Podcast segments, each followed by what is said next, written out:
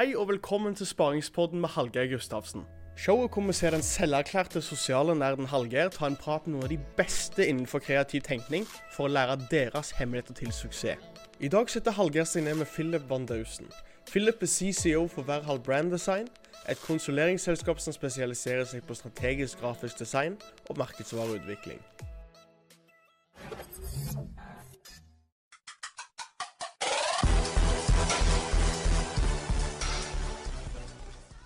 Hello again, and thank you so much for joining me on Sparring Pod. My name is Hallgeir Gustavsen, and today I have another international guest. Philip is the principal and CCO of uh, Verhaal Brand Design, uh, a consultancy specializing in strategic graphic design and brand development.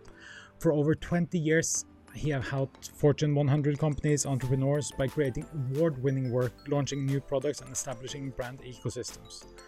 Thank you so much for joining me and welcome, Philip. Hey, Hallgeir. It's great being here. Thanks for having me on your show.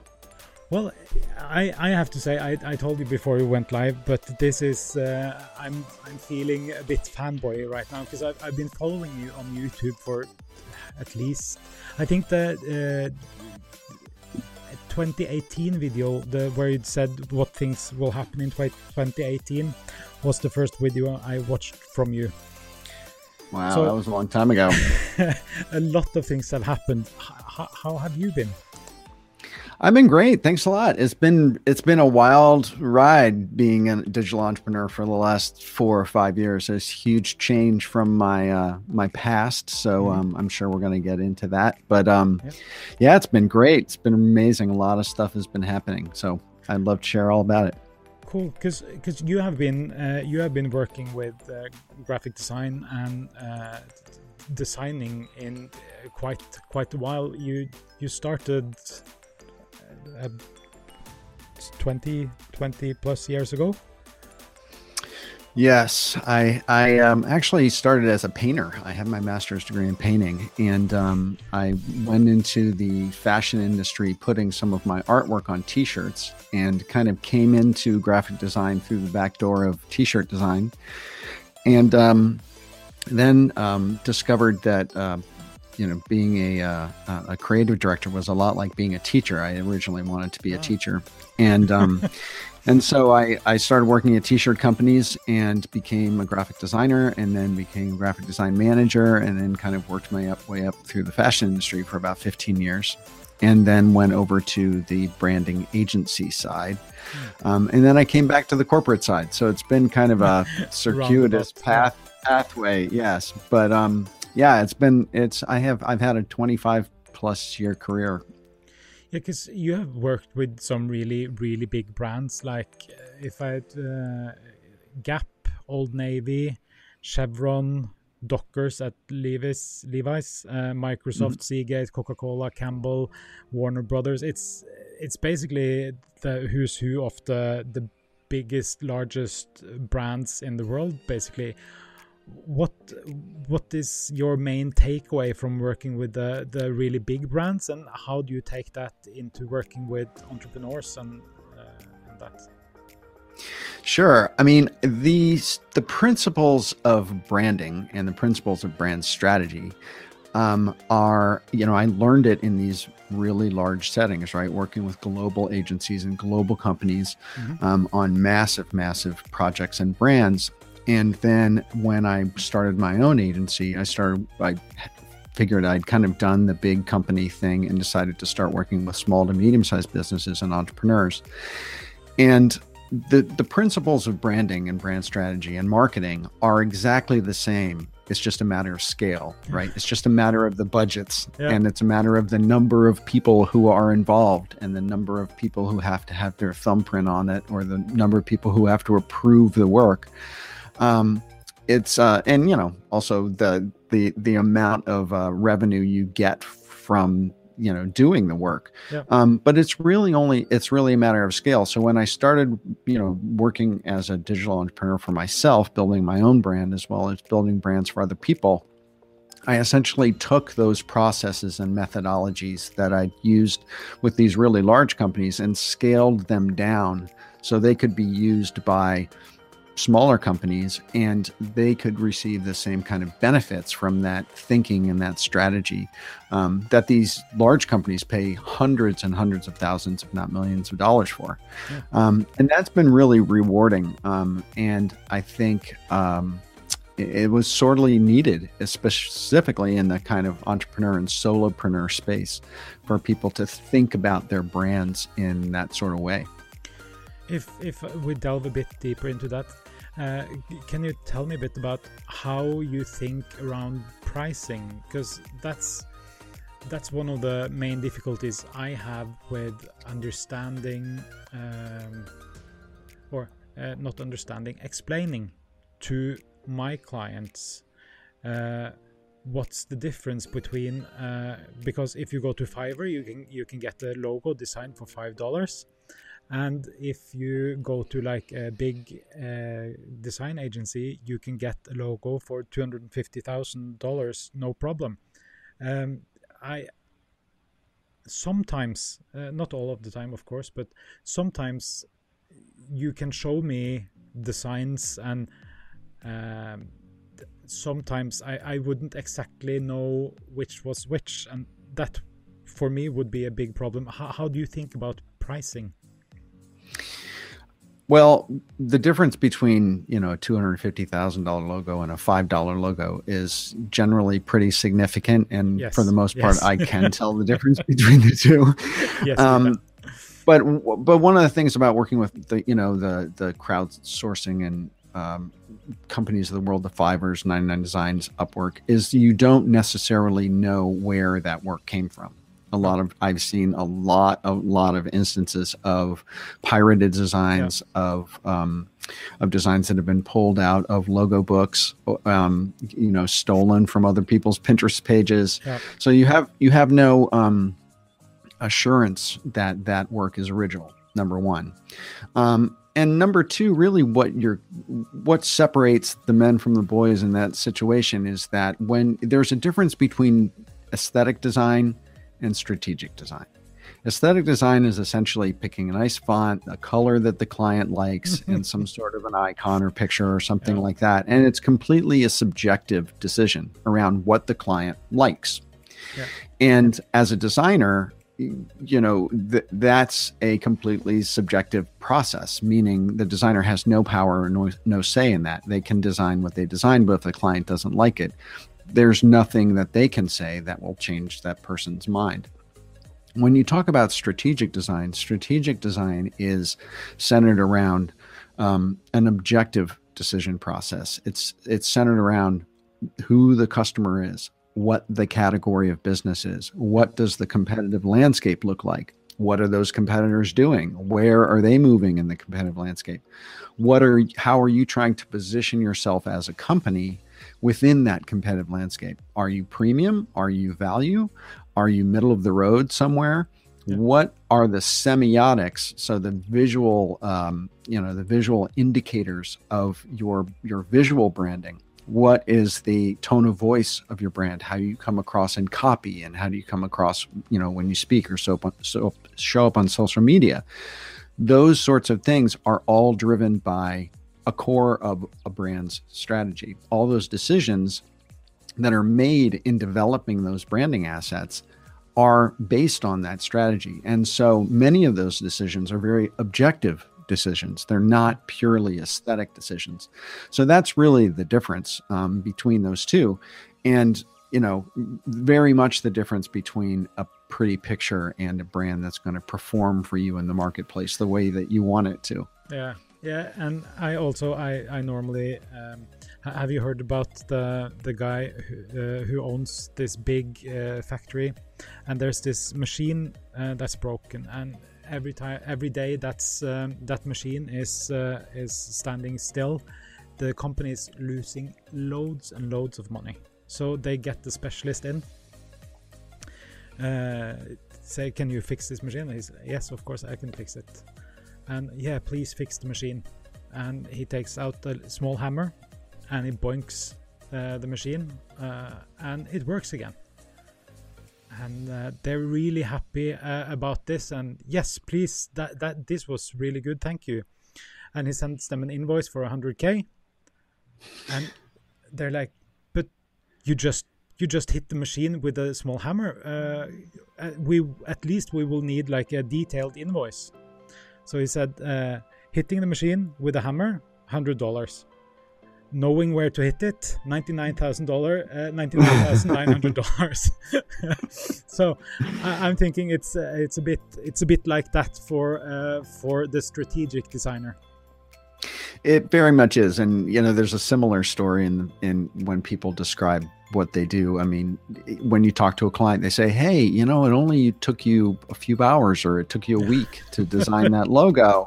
You know, why is it going to cost me ten thousand dollars or twenty five thousand dollars?" You say, "Well, you're not paying for the hours it took to design the logo. You're t- paying for the twenty years of experience that I, ha- mm. that I have that are going to make that logo perform for you in the marketplace yeah. the way you want it to." Yeah. Yeah, and I also say that uh, when you when you actually find an agency uh, or a designer that knows their craft and knows how to work, you also you pay for the uh, process, the process of getting there. That's one of the things. If we uh, if we go into the space time continuum, uh, where mm-hmm. we take a look at the past, the now, and the future, how did you get to where you are today? Like what was the most significant uh, uh, thing that happened to you in the past that was most defining for you? Wow, that's a really big question.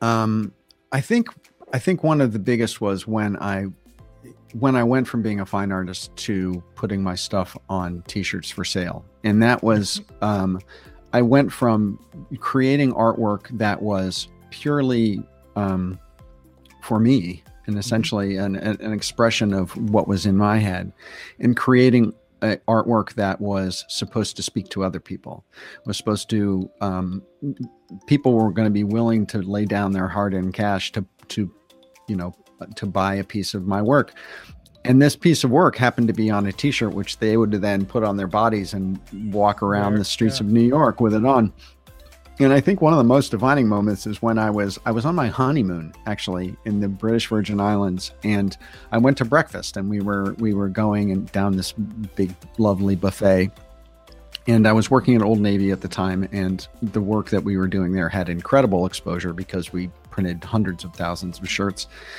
And I went to breakfast, and uh, a guy was across from me going down the buffet line who had one of my T-shirts on, and I I thought, wow, that's really cool. I didn't say anything to him. and then the next morning, I went to breakfast again. The same guy was there, but he had a different T-shirt on, and it was another one of our shirts, and a different design in the same group.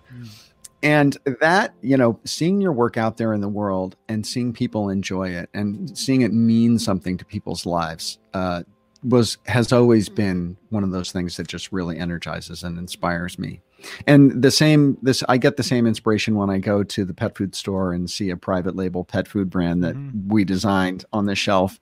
Um, i just love that stuff. So i love putting out inspiring and quality work into the world and and you know seeing it seeing it be enjoyed and be used and be of value to people's lives.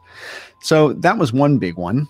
Um, i would say probably the other major one is when i went from the fashion industry, which is a, you know a very emotional, very kind of um, fast-moving type of industry, into the the strategic branding agency side, where I was working with uh, you know a lot of really large clients, like some of the ones that you listed at the beginning of the show, yeah.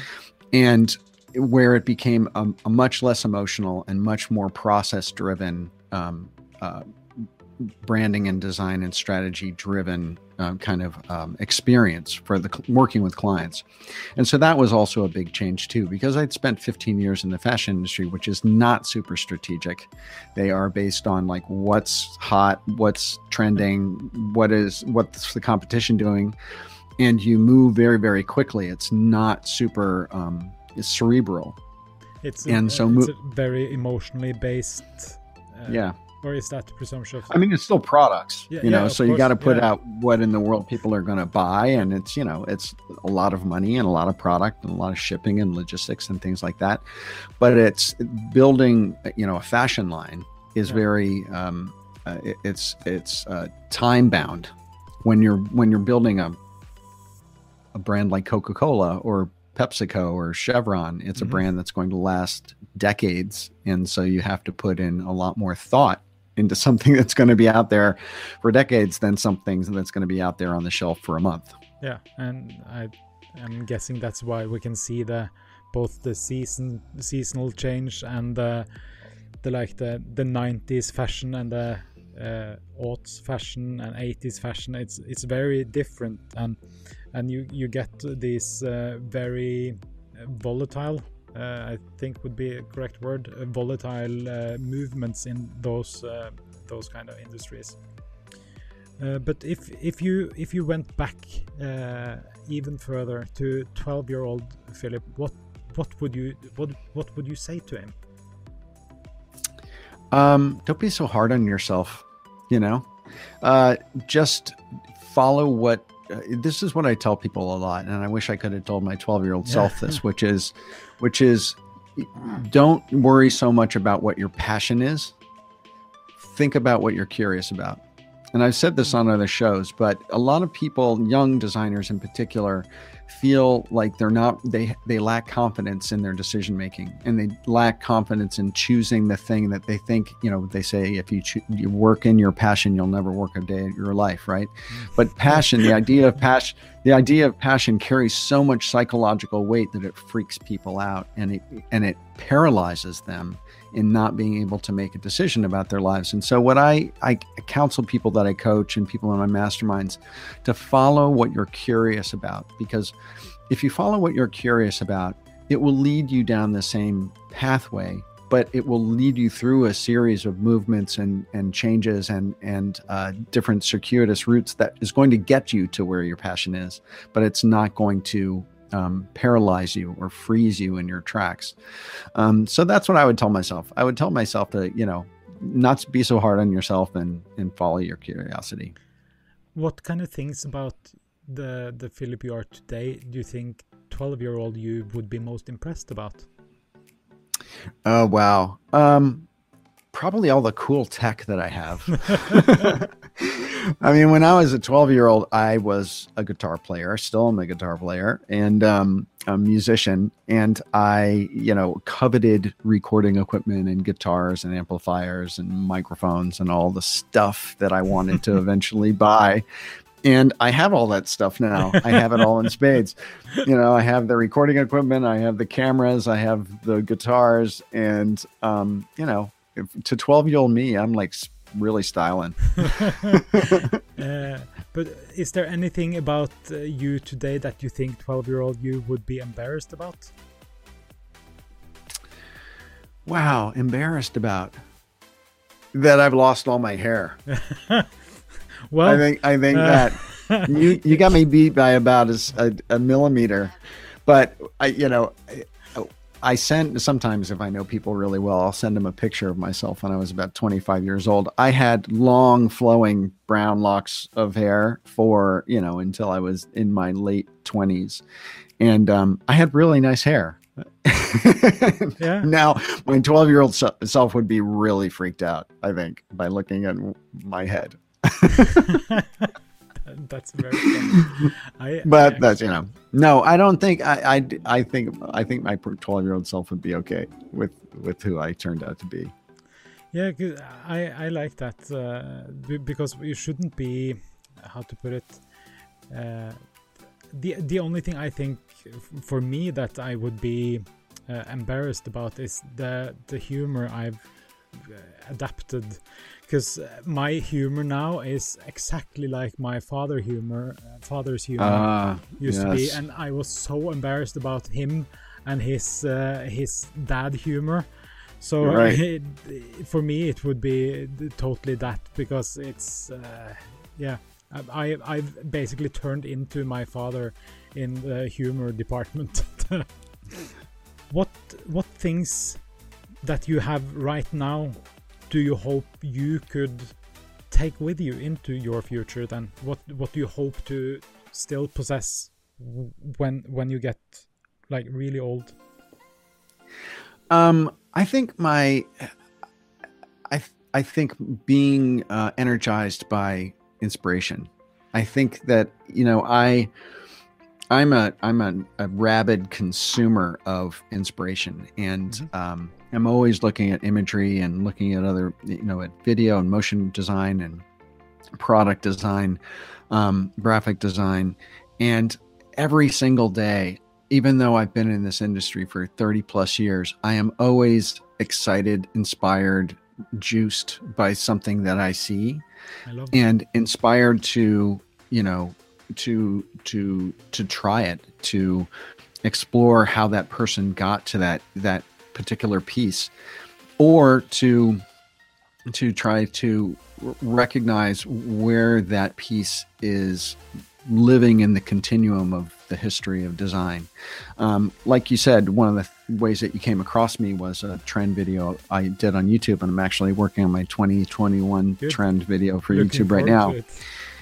And one of the things I learned in the fashion industry is how to recognize trends, how to see trends as they're happening. Yeah. And um, that is that is a, an outgrowth of my interest in being inspired is because i'm constantly looking i'm constantly making connections in my head in terms of you know what i'm seeing and where it's falling in in this kind of sea of visual you know noise that we're always exposed to um, and that's something i hope i never lose so if we delve even deeper into your inspirations could you go into what things that inspire you in everyday life? Sure. I mean, the funny thing is, is that, and this is where I think my training as a fine artist comes into it, is that mm-hmm. I am inspired by anything. I can, when I lived in New York City, I, I used to be inspired by, you know, in some places in New York City, you can see the remnants of painted billboards on the side of brick buildings that date back hundreds of or over 100 years. And sometimes those little ghosted images of designs or hand painted fonts or imagery or illustration you can see, and I would be incredibly inspired by it.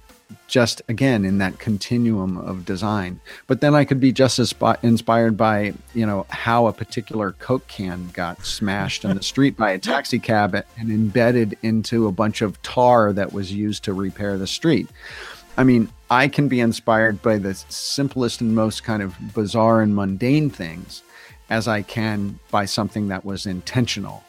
Um, you know, I'm incredibly inspired by product design, um, by by visual design, both moving and and static. Um, I'm really inspired by you know people who are great teachers or great inspiring speakers. I I pull, I listen to a lot of music, so I pull a lot of inspiration from the music I listen to, and so I I, I gather it from everywhere, and I think that that is what makes a great creative is not drawing kind of boundaries and saying I only get my you know creative inspiration from looking at communication arts magazine annuals you know yeah. or whatever that is um, i i really kind of span the gamut and i think that that's what um, makes life interesting for creative people.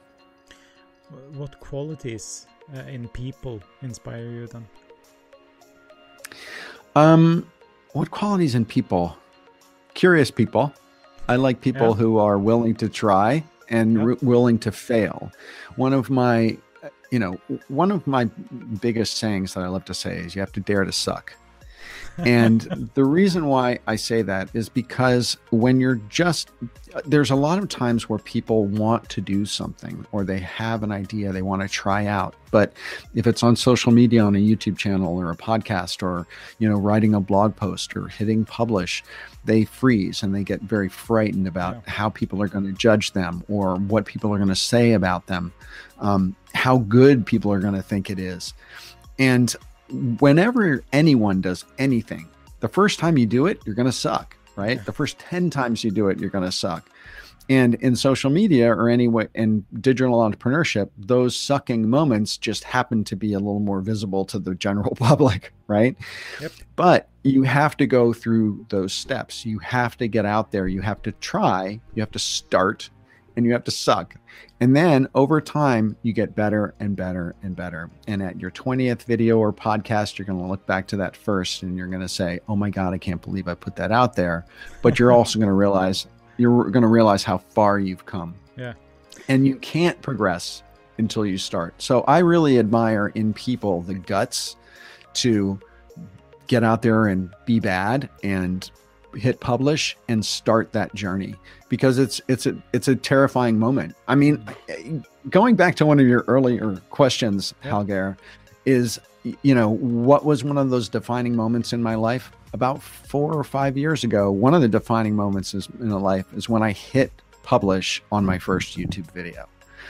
I mean, I came from I was a very senior executive at you know one of the top five companies in the world I had a lot of visibility and I was putting myself out there as an individual without that company's name on my business card. And I was terrified about being judged. You know, whether people thought that I knew what I was talking about, imposter syndrome, oh, whether my old colleagues were going to see it, whether my old clients were going to see it, what they would say, what they would think. And making that leap to hitting publish and starting on a new journey and daring to suck you know, um, at something brand new for the guy who was pretty advanced in his career was terrifying. But I did it, and now I have a you know probably over 250 videos on YouTube and a couple hundred thousand subscribers, and I'm in a very different place. But hitting that publish, you know, button at the first was you know it gives me goosebumps just thinking about it now and i i wish that for anybody I wish that experience for every, anybody. So, uh, what things specifically do you do that you think and hope can inspire others? Everything that I do right now is intended to inspire others.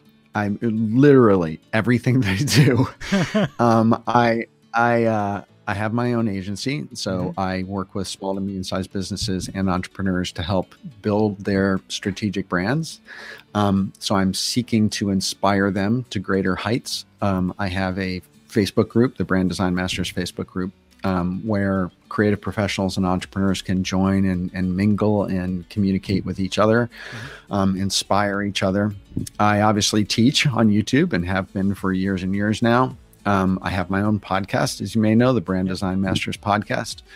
Um, I also do webinars. I host uh, paid mastermind groups. A number of the viewers who are here right now are mm-hmm. members of that.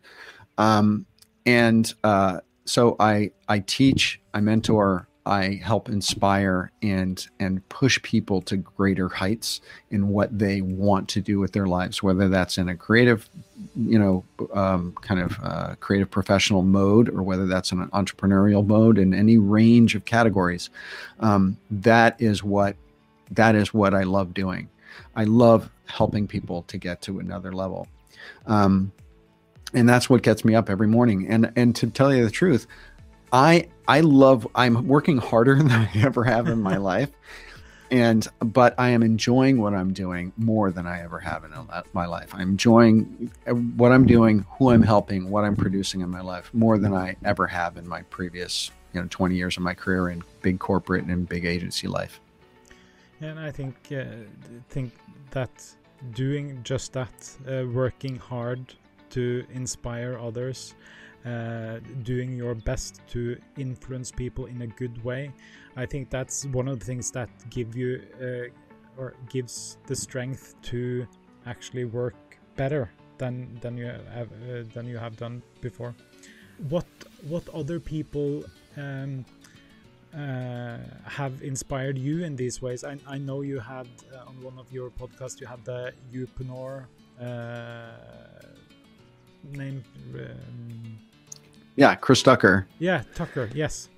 yeah, Chris. I, I, you know, and he's he's usually one of the first that I that I mention. Um, he was one of the first people that I deeply engaged with when I went kind of out on my own. I came across Chris Ducker's um, name on uh, Pat Flynn's podcast. You know, it, the, the, journey that people go through when mm-hmm. they go into this sort of life is kind of the same. They either start off on, you know, kind of um, you know John Lee Dumas's you know Entrepreneur on Fire or or yeah. Pat Flynn's podcasts, uh, and there is a very kind of closed system. I like to call it the social media mafia, where everyone kind of mm-hmm. knows each other and shares each other on each other's podcasts, like you and I are doing right now, mm-hmm. and um, and the name the names start to become familiar. And so I heard about Chris Ducker. He said he was starting a mastermind group called uh, Youpreneur. And so he happened to be coming to Philadelphia, which is you know a couple hours from where I live, for a conference. And he and and he said anyone who wants to come down and meet me do. So i went down and i, I met him and Hello. he was just start he was just starting uh Youpreneur and he told me about it and i just was really impressed by his whole vibe and energy.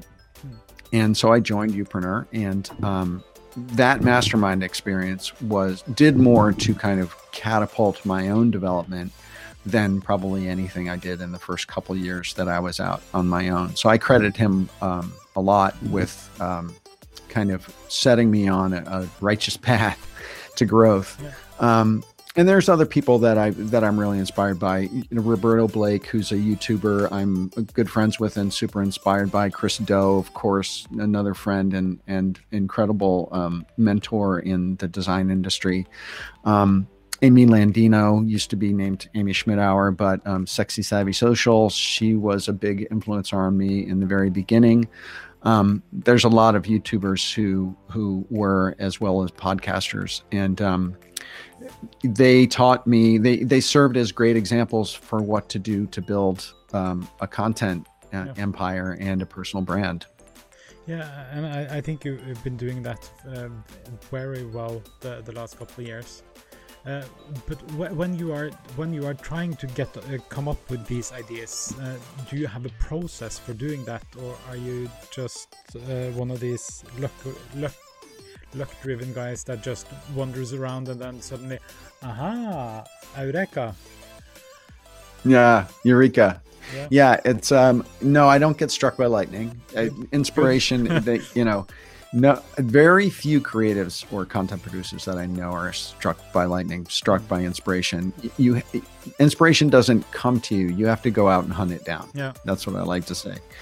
And uh, you know, I think about the people that I'm trying to help, and I listen to the people that I'm trying to help and what their struggles are, what they want to know about, and I ask them. You know, I say, "What are you struggling with? What is it that's going to really help you?" and then I try to develop content and uh, offer my opinion and give guidance to to people in the areas that they think that they're really going to need assistance. The other thing that I have to have to do as a as a kind of mentor or a, design leader is I have to have my antenna up to what I think is important for them yeah. to know. The kind of hurdles I'm experiencing, the kind of successes that I'm having, how I how I achieved those things, and share them with them. Um, to try to be looking a little farther down the road than where they're looking for what new opportunities might be there for them or what kind of hurdles they might be coming up to face um, and prepare them to to handle those things better. And one of the things I've been doing for a couple years now is trying to prepare creative professionals for um, for the massive change that we're seeing in the design industry, which is, you know, large agencies are contracting and um, the consultant economy is having a deep, deep effect on them. And there's this there's this rise of the consultant class and creative professionals, and preparing people for what it takes to do that or to succeed in that kind of environment um, has been something that I've been paying a whole lot of attention to because there's nothing worse. And this has happened to me a few times in my life. There's nothing worse than getting laid off with no warning because your agency lost a client yeah. or because there was a downturn in the economy. And suddenly you're out on the street with two weeks severance and you're looking for another job. Having no control over your destiny really sucks. And so I try to prepare people to have as much control over their professional destiny as they possibly can. Okay, uh, what what is the best idea you ever had? is this the start of those 20 questions? Because you no, said they were going to be hard, and that's a really the, hard these question. Easy ones. Wow. I think the best idea I ever had was to start a YouTube channel. To tell you Yeah. the truth, I, I because you know when I was just starting out, I was thinking podcast, YouTube, podcast, YouTube, and I had to make the decision um, between one of the two. I now have both, but in the beginning, it was like design is a visual language. I have to show things that are visual in order to get things across that I want to talk about. Yeah. So I, I went with YouTube. And um, that has opened up an amazing audience for me. It's created, you know, incredible amount of open doors for me. Um, and it's given me an outlet for my creativity and to share my knowledge with people. It's acted as an amazing business development tool Yeah. for my agency. Um, it's acted as an amazing kind of audience builder for for masterminds and groups that I that I run, um, and it's just incredibly gratifying. I mean, I, I, I want to tell you a very quick story. I Yes, please. I just recently, in the last couple months, been unable to keep up with the volume of comments that I got on my YouTube channel. But for a good four years, I answered every single comment that I got on every single video that I did. Tens of thousands of comments because I really wanted to value my viewers and value them as my audience and give value back to them and to engage in a real conversation. But the thing about the internet, you know that old New Yorker cartoon where there's two dogs and they're sitting at a computer and one of the dogs is looking at the other one and he says, "Hey, on the do- on the internet, no one knows you're a dog." It's the same very much thing. You can you can kind of position yourself very opaquely on the internet. And so I received this comment from someone that said, I, I did a very popular video called um, What Does a Creative Director Do? And I received a comment on it from someone who said, you know, I'm thinking about becoming a creative director. And, you know, one of the things I was curious about was, you know, is it better to work in a, a company or an agency? And what, you know, what, how would you go about that? And so I gave them, you know, a two or three sentence kind of feedback on their question. Yeah. I said, you know, you might want to do blah blah blah with your career, or talk to your manager, you know, develop a a, a, a network of of you know subject matter experts, or I can't remember exactly what I said. But then when they responded back to me, they said, well, I'm only 12, so I'm just really starting out. And I was like, oh my God. Here I was like responding to this person like they were 28 mid career Yeah. and they were like 12 years old. And I just love that. I love the fact that my creative director video inspired a 12 year old to think about like what the next step is. I just thought that was awesome. but okay, on the other side of the aisle, then, what's the Yeah. worst idea you ever had? Oh boy. Um the worst idea I ever had. I don't know. I I really I, I'm gonna have to come back to that one. Okay, I'm gonna have to come back that. to that one. And then we start the 20 quick questions. It's Okay. inspired. It's Oh boy, all right. So then it's gonna get really hard. yeah. It's but it's All right. inspired by Marcel Proust, so uh, most likely there is some some nuggets of gold in here. Hopefully. Okay. What is your most marked characteristic? Characteristics. My what? Your most marked characteristic. Marked? Yeah, marked. Uh, your most. Uh, how would people ca- characterize you? Um I think serious. I've gotten that a lot in my life. People have called me very serious. So I haven't I, I come across as being serious. I'm not I'm not actually that serious a person, but I have that vibe. Or professorial. That's the other one I get is that, you know, I come across as a professor, which is good because Yeah. that's kind of what I am. Yeah, I think really knowledgeable people often come off as Hmm. uh, serious because they know their shit. So it's uh, it's easy to come off as serious then. Uh, what quality do you most like in a person? Um creativity. What do you most value in your friends? Honesty. What is your principal defect? This is like such a classic like job interview question. but I think my biggest defect is that I'm a workaholic and sometimes I have a hard time turning off. What is your favorite or most admired occupation? My most admired occupation would be a professional scuba diver because I love scuba diving.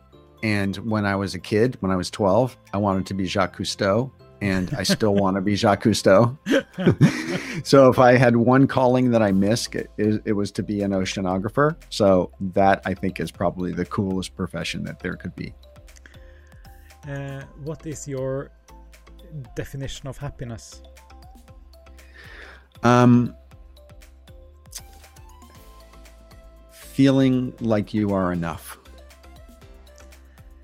In your mind, what would be the greatest misfortune? Um, the greatest misfortune, I think, being alone, being entirely alone. Uh, I would guess either that or uh, uh, becoming blind or losing your uh, mental Mm. acuity uh, would be my guess for you, uh, since you're being inspired so much by what you see and uh, take in. Um, how would you like to be remembered? Um, as a teacher, That's as a really good one. teacher. Yeah, as a good teacher, that's even better. Yeah, not just a teacher. as as a favorite teacher. um, in what what country would you like to live? Oh, that's easy. Switzerland. I, I I visited Switzerland when I was in my um, early 30s and uh, took a train through Switzerland, and it was probably one of the most amazing It countries I've ever seen. Uh, what is your favorite color? Um, my favorite color is turquoise. Uh, who is your favorite writer? Well, my favorite writer right now is and and well, okay, I'm going to go back to that. One of my favorite writers is a guy named Richard Proenneke. And Richard Proenneke wrote a book called One Man's Wilderness. He went up to Alaska in the 60s and built a cabin in the middle of the wilderness and kept a journal and published a book called One Man's Wilderness, which I've read probably 10 times. And it's one of the most amazing um, books I've ever read, probably because it's such a romantic idea. Um, oh, but the funny thing is, is he was all alone. He was totally alone most of the time, but he lived an incredible life Yeah. and kept an amazing journal. Um, but uh, if anyone's thinking about reading a really inspiring book, read One Man's Wilderness by Richard Proenneke. Perfect. Uh, who are your favorite fictional heroes? Oh, my favorite fictional heroes. Well, Batman, and this was before all the movies. Yeah, yeah. Like yeah. I, you know, I'm old enough to know, having watched, you know, Batman on television in the in the '60s, and so, um, you know, the Batman, the Bruce Wayne, the alter ego, you know, multimillionaire, but then real cool super, superhero. Like it doesn't get any better than that, right? No. Uh, who's your favorite musician? Uh, that's easy. Jimi Hendrix. Uh, who is or are or was your favorite artist? Um, that's kind of a toss up between Otto Dix and Max Beckmann. Who are your heroes in real life? Uh, my heroes in real life. Well, one of my heroes was my dad, who's passed, but uh, he was a huge, huge influence on me. Um, wow, people that I idolize. I'm reading um, the second, um, the first uh, book of Barack Obama's um, A Promised Land, and I think that he he personifies just about everything that I think I admire in a human being, um, and uh, so he's definitely one. What do you most dislike? What do I most dislike in general? Um, arrogance. What historical figure do you most despise? I, I, I Well- one caveat. I- I don't think we're allowed to say Hitler because Yeah. everyone goes for Hitler. So Yeah. Someone else. Despise. Okay. Genghis Khan. Ah, He good w- one. wasn't a nice dude. No, was not he a nice was dude. not. uh, what natural gift would you most like to possess? Oh, a natural gift. I would love to be able to be a really great singer. I've always wanted to be a really great singer. There's some people who are just natural who can just sing like, you know, unbelievably. Um, and that's something I've always wanted to possess. How would you like to die? Wow. Um, painlessly. What vice do you have that you most like to give into? What? That's an interesting question. What vice do I have? Yeah, that you like to give into. Like as you saw in the picture earlier, I really enjoyed gluttony. Um, Oh, oh, what vice? Sorry, sorry. Okay, what vice do I give into? Um, no, that you like yeah. to give into. Because Well, I like to people give have into have I like-. Yeah. yeah, yeah, yeah. I like to li- give into sloth. Like when I turn off, I I really turn off. Like I can definitely do like four hours of Netflix on a couch on a Sunday afternoon. I can definitely do that. And then we were back at the worst idea Philip ever has had. That's- okay. that's Oh man, you brought it back. Yes, You of course, we bring it back. Oh man. Okay. Well, I hadn't had a t- chance to think about it. The worst idea I ever had. Okay. Okay. Here it keep him on is. The hot seat. I got it. All right. Now this is a real story, Halgar. Okay. The worst idea I ever had. I was working on an archaeological dig on Crete when I was in um, grad school, and it was an amazing experience.